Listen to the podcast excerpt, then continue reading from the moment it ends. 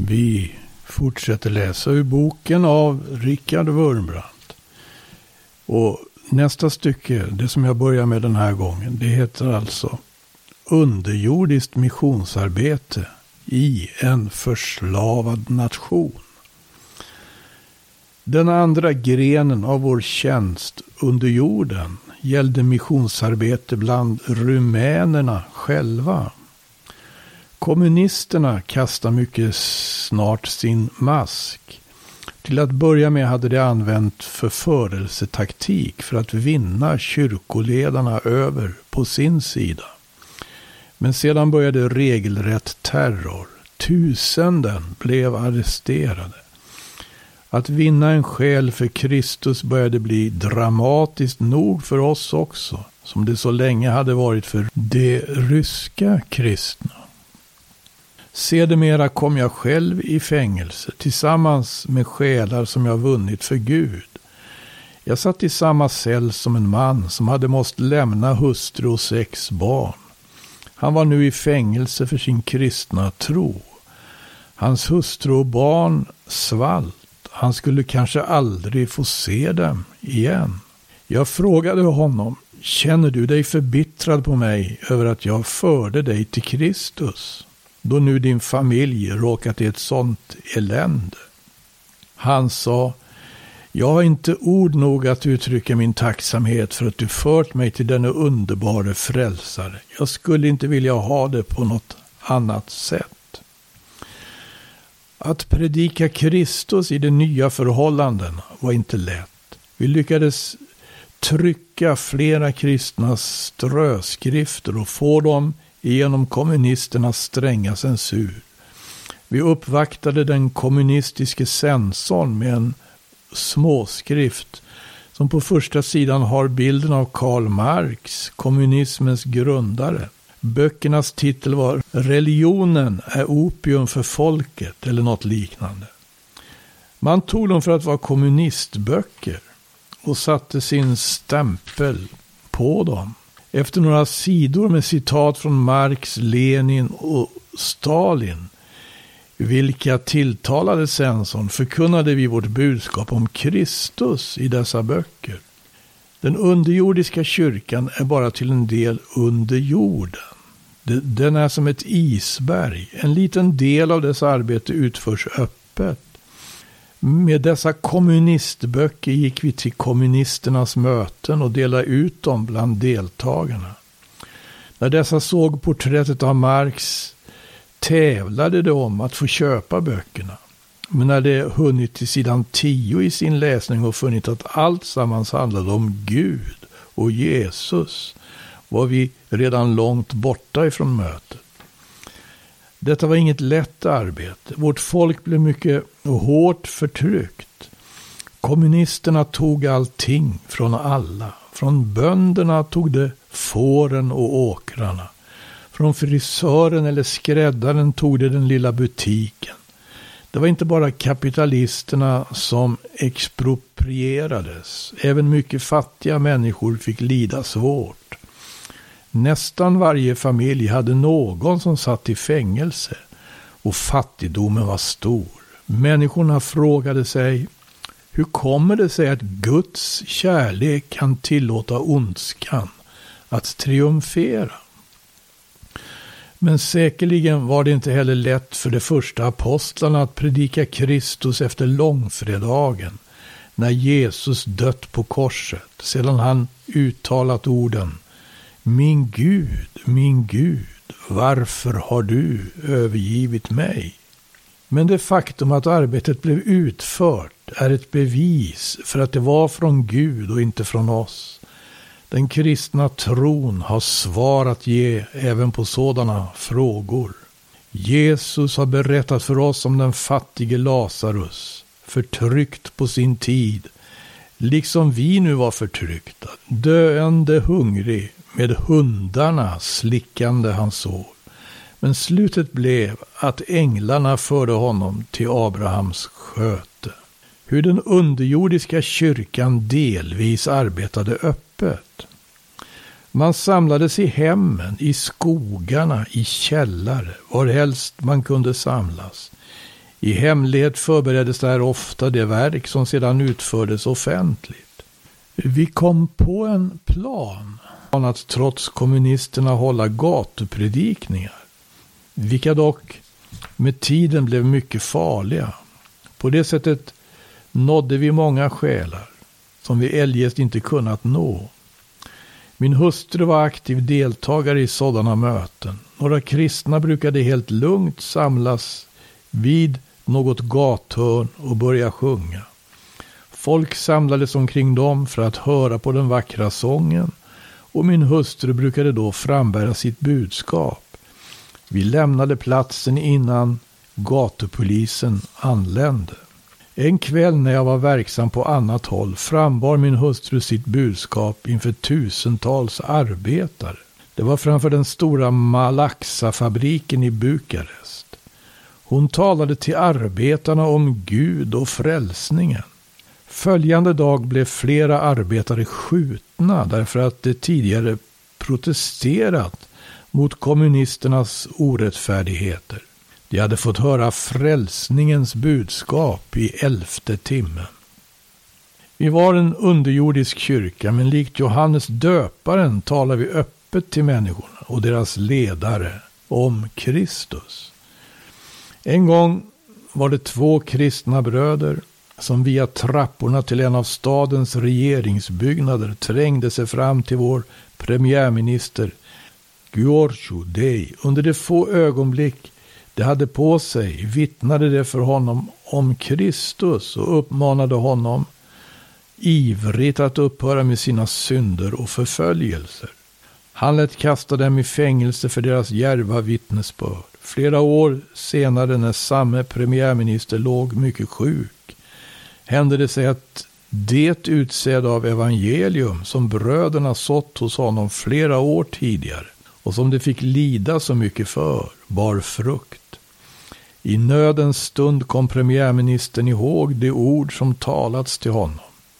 Guds ord är, som Bibeln säger, levande och kraftigt och skarpare än något tveeggat svärd. Det trängde igenom hans hårda hjärta och han överlämnade sig åt Gud. Han bekände sina synder, tog emot frälsaren och började tjäna honom under sin sjukdomstid. Inte långt därefter dog han, men gick hem till sin nyfunne frälsare. Allt sammans därför att två kristna varit villiga att betala priset. Dessa båda är typiska representanter för de modiga kristna i dagens kommunistländer. Sålunda arbetade vi inte bara i hemliga möten och i lönndom, utan även med en järv öppen förkunnelse av evangelium på kommunisternas gator och inför deras ledare. Det måste vi betala för, men det var vi beredda på. Den underjordiska församlingen är fortfarande beredd att betala vad det kostar att tjäna och efterfölja Jesus. Hemliga polisen förföljde häftigt den underjordiska kyrkan, ty den förstod att denna utgjorde det enda effektiva motståndet som fanns kvar. Och just detta slags motstånd, det andliga motståndet, skulle som det, om det obehindrat fick fortsätta, underminera deras ateistiska makt. Det förstod, som endast djävulen kan förstå, att den utgjorde ett omedelbart hot mot dem. De visste att om en människa kom till tro på Kristus skulle hon aldrig bli ett villigt och viljelöst redskap för deras syften. De visste att de kunde fängsla människor men inte tron på Gud och därför bekämpade de oss mycket hårt. Men den underjordiska kyrkan har också sina sympatisörer och medlemmar, till och med i de, i de kommunistiska regeringarna och inom hemliga polisen. Vi instruerade kristna att ansluta sig till hemliga polisen och ta på sig den mest hatade och avskydda uniformen i landet så att de skulle kunna rapportera om hemliga polisens planer mot den underjordiska kyrkan. Så gjorde också många av våra bröder, allt under det att de hemlighöll sin tro.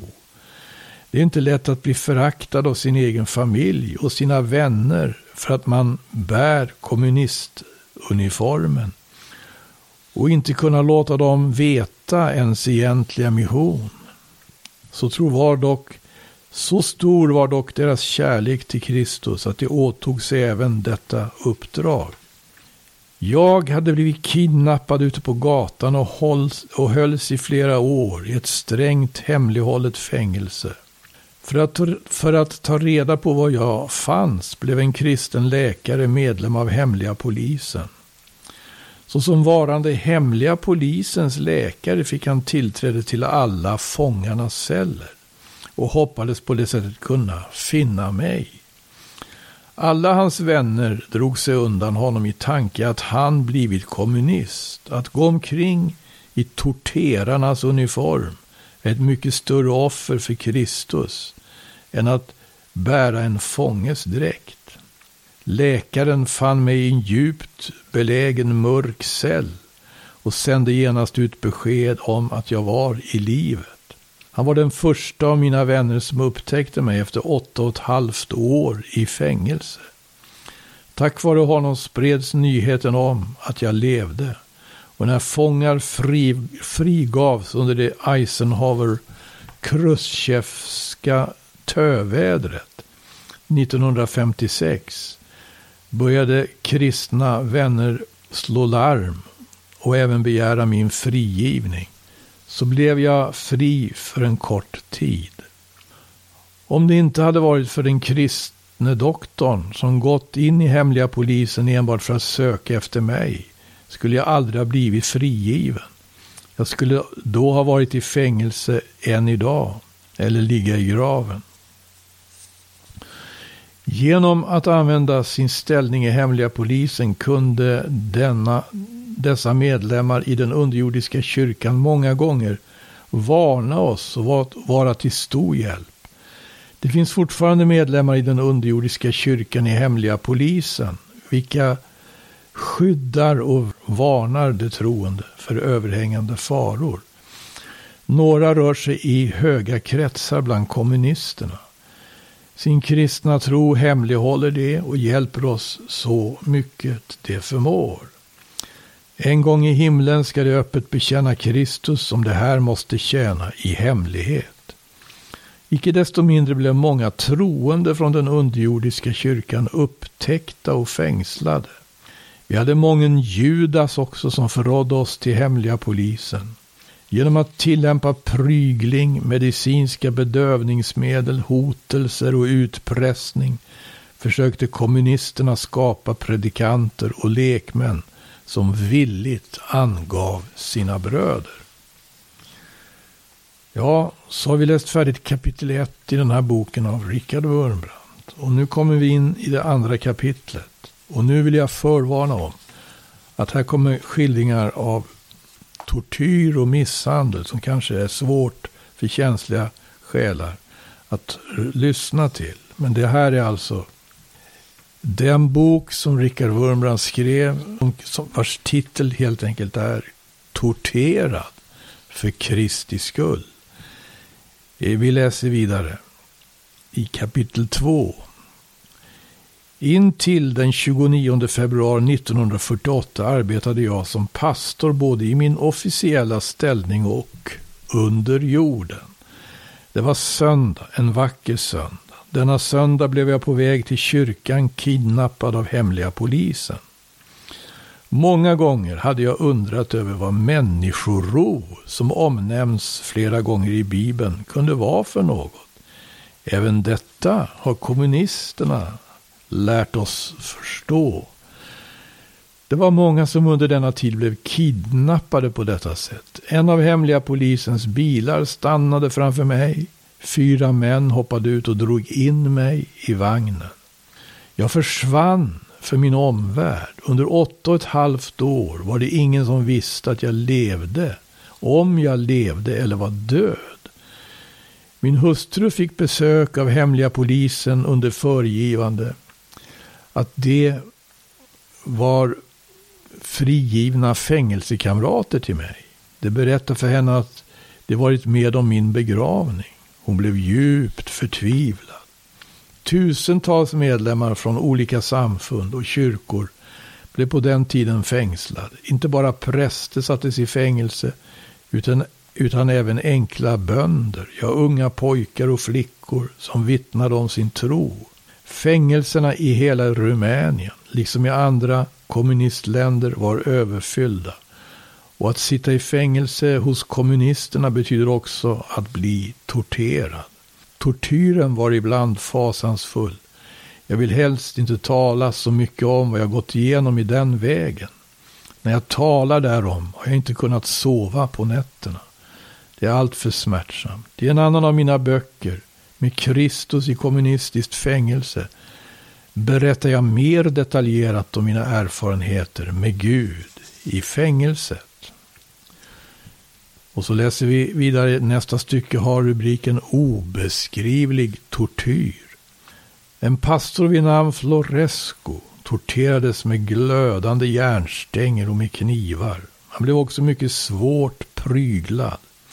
Sedan drevs utsvultna råttor in i hans cell genom ett stort rör. Han kunde inte sova utan måste försvara sig hela tiden. Om han vilade sig endast ett ögonblick blev han angripen av råttorna. Han tvingades att stå i två veckor, men han uthärdade ståndaktigt. Till slut förde de dit hans 14-årige son och började piska den inför faderns ögon. De sa att de skulle fortsätta att slå hans barn tills pastorn talade om vad de ville veta. Den stackars mannen blev nästan vansinnig. Han uthärdade så länge han kunde, men när han inte orkade längre ropade han till sin son. Alexander, jag måste säga dem vad de begär. Jag kan inte stå ut längre med att se dig piskas. Sonen svarade, pappa, ge mig inte den oförrätten att få en förrädare till far. Ge inte upp. Om det dödar mig vill jag dö med orden för Jesus och mitt fosterland. Kommunisterna blev rasande, överföll och slog pojken till döds så att blodet stänkte över cellens väggar. Han dog under det att han prisade Gud. Vår käre broder Floresco blev aldrig som förut efter att ha måst åse detta. Handbojor sattes på våra handleder. De var försedda med vassa pikar på insidan. Om vi stod absolut stilla skar pikarna inte in i vårt kött. Men i celler så kalla att vi brukade själva av köld blev våra handleder illa sargade av pikarna. Kristna hängdes upp med huvudet neråt och pryglades så kraftigt att deras kroppar svängde fram och tillbaka under prygelslagen. De sattes in i kylskåpsceller som var så kalla att de inuti var betäckta av frost och is. Själv blev jag inkastad i en sådan cell med mycket lite kläder på mig. Fängelseläkarna brukade kika in genom ett titthål och när de såg tecken på att vi var nära att frysa ihjäl brukade de vinka åt vakterna som rusade in och drog ut oss för att värma upp oss. När vi äntligen blev varma brukade man omedelbart stoppa in oss i iscellerna igen. Detta upprepades om och om igen. Ut för att tinas upp och sen in för att frysas nästan till döds. Denna växling pågick i det oändliga. Än idag står jag inte ut med att öppna ett kylskåp. Vi brukar också stoppas in i trälådor obetydliga, obetydligt större än våra kroppar. Detta omöjliggjorde varje rörelse. Dussintals skarpa spikar hade drivits in i sidorna på trälådan så att de rakbladsvassa spikspetsarna stack in i lådan. Om vi stod stilla gick det bra. Vi var tvungna att stå i dessa lådor i timmar. De syntes oss ändlösa. Men när vi blev trötta och vacklade av utmattning trängde spikarna in i våra kroppar. Om vi rörde oss eller det bara ryckte till i någon muskel fick vi genast känning av de hemska spikarna. Vad kommunisterna gjort mot kristna övergår allt vad mänskligt förstånd kan fatta. Jag har sett kommunister tortera kristna under det att deras ansikten lyste av hänförelse och glädje. Medan de torterade brukade de ropa Vi är djävulen. Vi kämpar inte mot kött och blod utan mot ondskans andemakter. Vi såg att kommunismen inte har sitt ursprung från människor utan från djävulen. Det är en ond andemakt och den kan endast mötas och övervinnas av en starkare kraft, Guds ande. Jag brukade ofta fråga dem som torterade mig, har ni inget medlidande i era hjärtan? Det svarar vanligen med att citera Lenin. Man kan inte göra en omelett utan att krossa äggen. Och man kan inte hugga ved utan att spånorna flyger. Jag sa då, även jag vet att detta är ett citat från Lenin. Men det finns vissa skillnader. När man hugger i ett vedträ så känner detta ingenting. Men här har ni med mänskliga varelser att göra. Varje slag gör ont och det finns mödrar som gråter. Mitt resonemang var fåfängt. Det är materi de materialister. För dem existerar ingenting annat än materien. Och en människa är för dem som ett vedträ, ett ägg och så vidare. Med en sån tro sjunker det ned i djup av råhet och grymhet. Det är svårt att förstå ateismens grymheter. När människor ej längre tror på godhetens belöning och ondskans bestraffning finns det ingen anledning att vara mänsklig. Människans avgrundslika ondska blottas. Dessa bödlar sa ofta det finns ingen Gud och därför följer heller ingen vedergällning för ondskan. Vi kan göra vad vi vill. Jag har till och med hört en av dem säga, jag tackar Gud som jag inte tror på för att jag har fått leva till denna stund. Där jag kan få ge uttryck åt allt det onda som finns i mitt hjärta. Detta bevisar han uttryckligen genom den otroliga brutalitet varmed han torterade fångarna. Visst är det tragiskt när, om en krokodil äter upp en människa, men vem kan förebrå krokodilen för detta? Det är, ju bara, det är ju en krokodil, inte någon moralisk varelse. Därför kan inte heller någon förebråelse riktas mot kommunisterna. Kommunismen har fördärvat varje känsla för moral hos dem. Det skröt över att det inte hade något medlidande i sitt hjärta.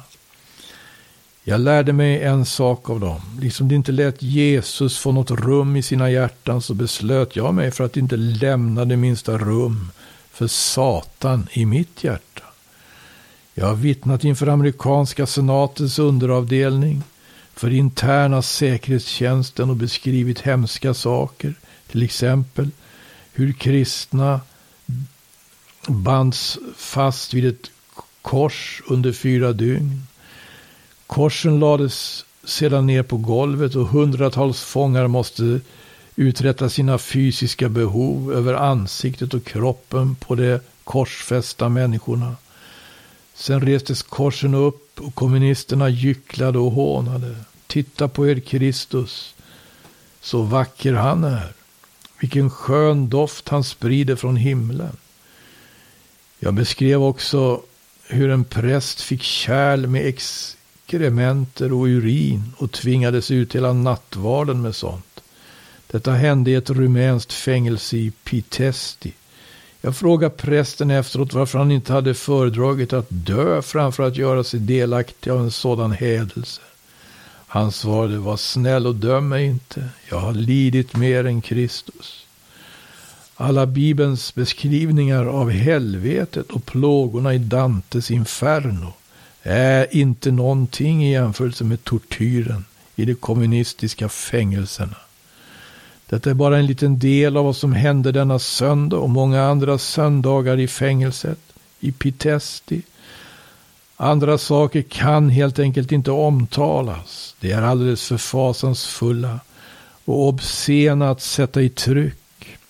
Detta är vad era bröder i Kristus har gått och får gå igenom nu, skrev Richard Wurmbrandt.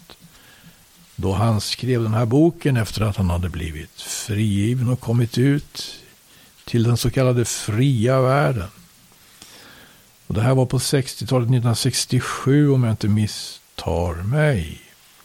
Vi får väl anledning att se på det också.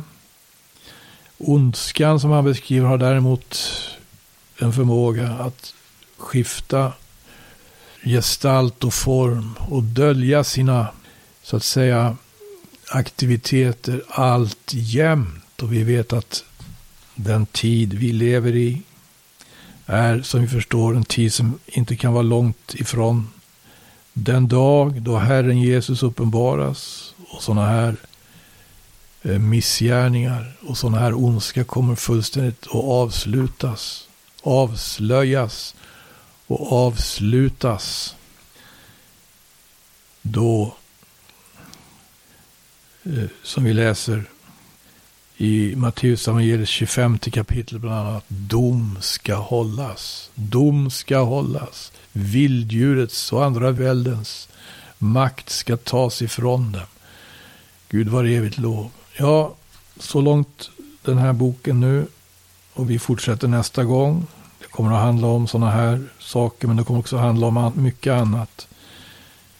Wurmbrandt kan verkligen ge perspektiv på både evangelium och på villkoren att förkunna evangelium i denna värld.